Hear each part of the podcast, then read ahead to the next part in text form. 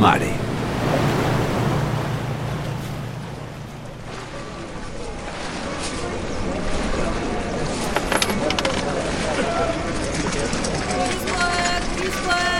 Arrainen liburua, zentimo bat ordaindu eta ikusi, fantasiasko izakiak, balea erraldoiak, eta inoiz ikusi gabeko arrainak.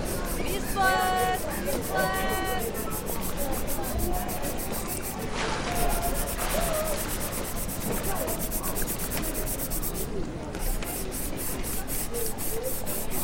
Adria enkoenen, arrain enkantegilea, arrantzaleek ikartzen dizkioten, espezia raroak disekatzen, marrazten, eta itxasgizon zailduek kontatzen dizkioten fantasiazko istorioak idazten hasi da.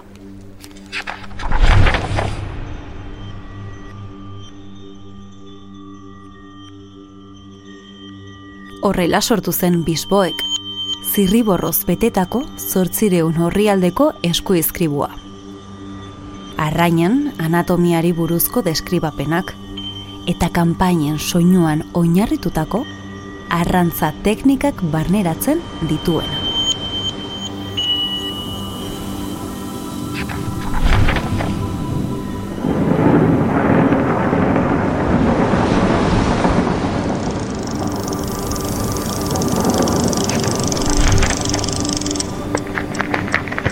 Ipar itxasoko arrainak, baleak, sardintzarrak, izurdeak eta berak bataiatu zituen animaliak.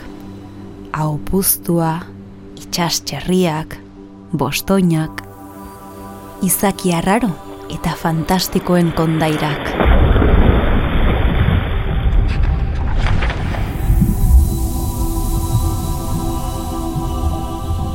Mila bosteun irurogeita batean, zeutatik gertu arrantzatutako atun txikia. Bere larruan, itxasuntzien marrazki eta tatuaje arraroak zituen arraina.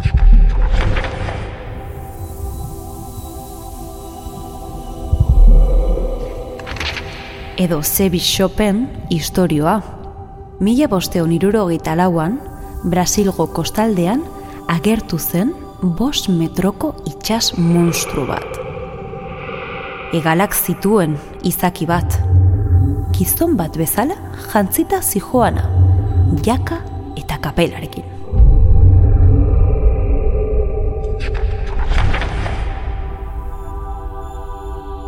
Zientziarako iturri garrantzitsu batean bihurtu zen, itxas munduko katalogo bat.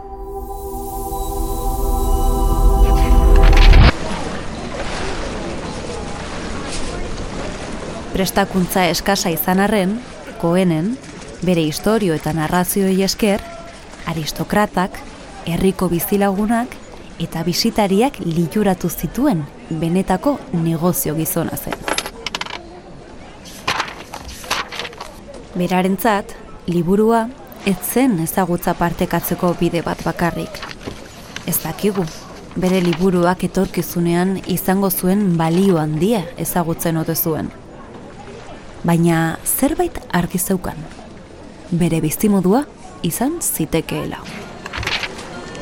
Arrainen liburua, zentimo bat ordaindu eta ikusi, fantasiasko izakiak, balea erraldoiak, eta inoiz ikusi gabeko arraina.